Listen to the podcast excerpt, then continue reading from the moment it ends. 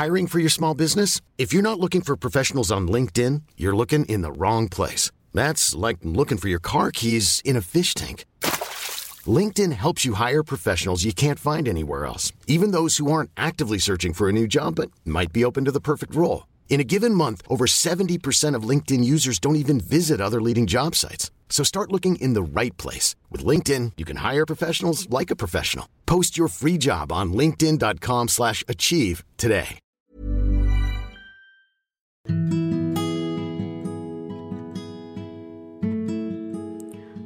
Maaf jika terkesan tidak berkesan, tapi aku harap ini memberi pesan. Hai, ini Pirda dan di podcast tentang menerima ini akan ada banyak hal-hal menarik. Jadi mari saling dengar, saling cerita dan menjadi teman baik di sini. Kemarin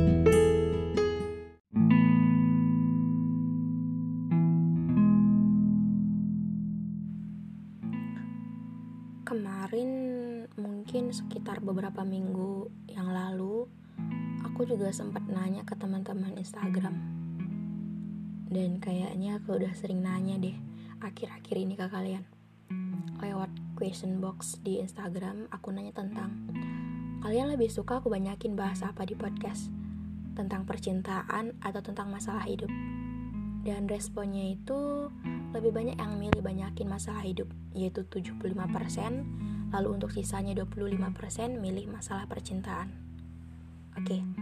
kalau kalian maunya gitu nextnya semoga pembahasan kita lebih deep dan emang benar-benar kita butuhin untuk kita bahas di sini.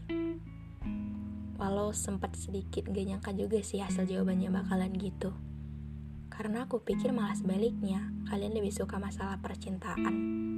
Ternyata enggak ya So, nggak apa-apa, apa pun itu boleh kita bahas di sini, baik itu masalah percintaan, masalah kehidupan, masalah kesehatan mental, masalah keluarga, persahabatan, atau masalah-masalah lainnya, boleh kita sharing di sini. Dan makasih juga untuk pendengar podcast tentang menerima, karena nggak pernah bosan untuk dengerin tiap episode-episode barunya. Dan jangan lupa di follow ya.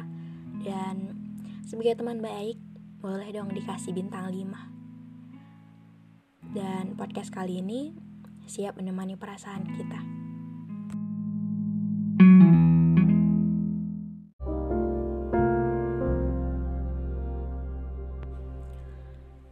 Kalau biasanya ngerasa kasihan sama orang lain, kayaknya masih bisa dibilang wajar dan nggak aneh ya kan?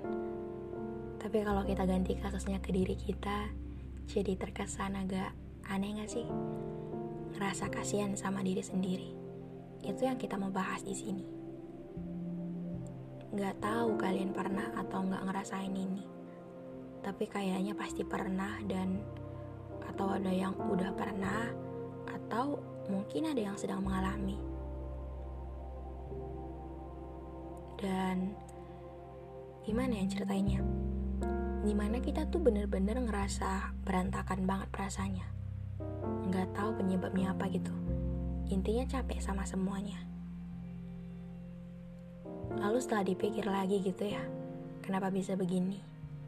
Aku menemukan salah satu jawabannya, yaitu ngerasa diri sendiri gak pernah cukup. Dalam arti bukan gak bersyukur atau gimana ya. Tapi ini lebih ke kita tuh kadang-kadang berusaha untuk sebisa mungkin menyenangkan orang lain. Sebisa mungkin berusaha disukai sebisa mungkin menunjukkan kalau kita tuh bisa baik-baik aja. Kita tuh bisa memenuhi standar yang ada dibuat oleh mereka. Intinya sebisa mungkin untuk bisa menjadi seorang yang mereka mau dan kadang itu bukan kita. Salah, jelas enggak. Itu wajar dan menurut standar yang ada nggak apa-apa. Tapi coba dipikir ulang lagi. Itu cocok nggak buat diri kita sendiri.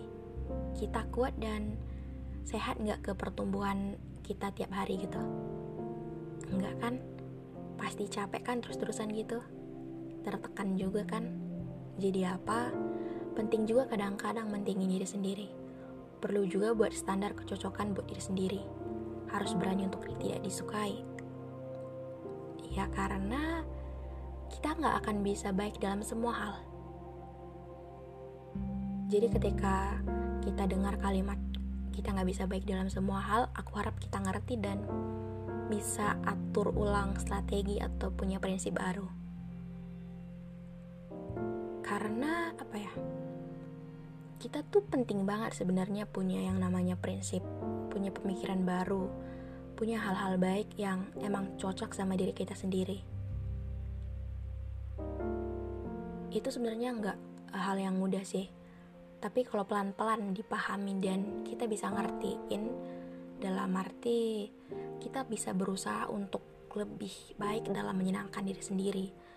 Lebih baik dalam membuat diri sendiri merasa bahwa eh, nggak uh, apa-apa beda yang penting itu hal yang baik untuk kita.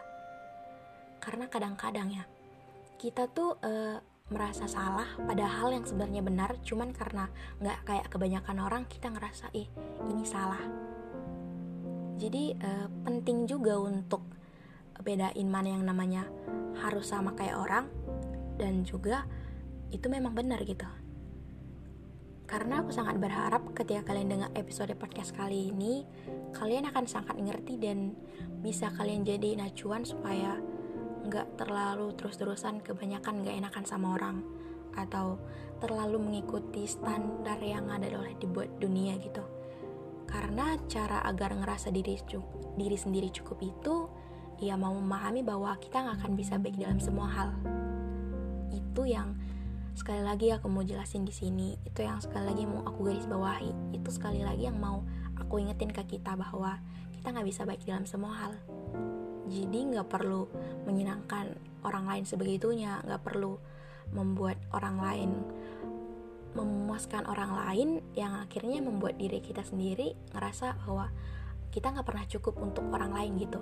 Karena yang kita butuhin kita cukup untuk diri kita sendiri dan perkembangan baik itu selalu ada gitu. Itu aja sih. Hmm, dan di akhir kata seperti biasa baik-baik sama diri sendiri. Jangan menyepelekan kesehatan mentalnya dan makasih untuk kalian yang sudah denger ini sampai akhir.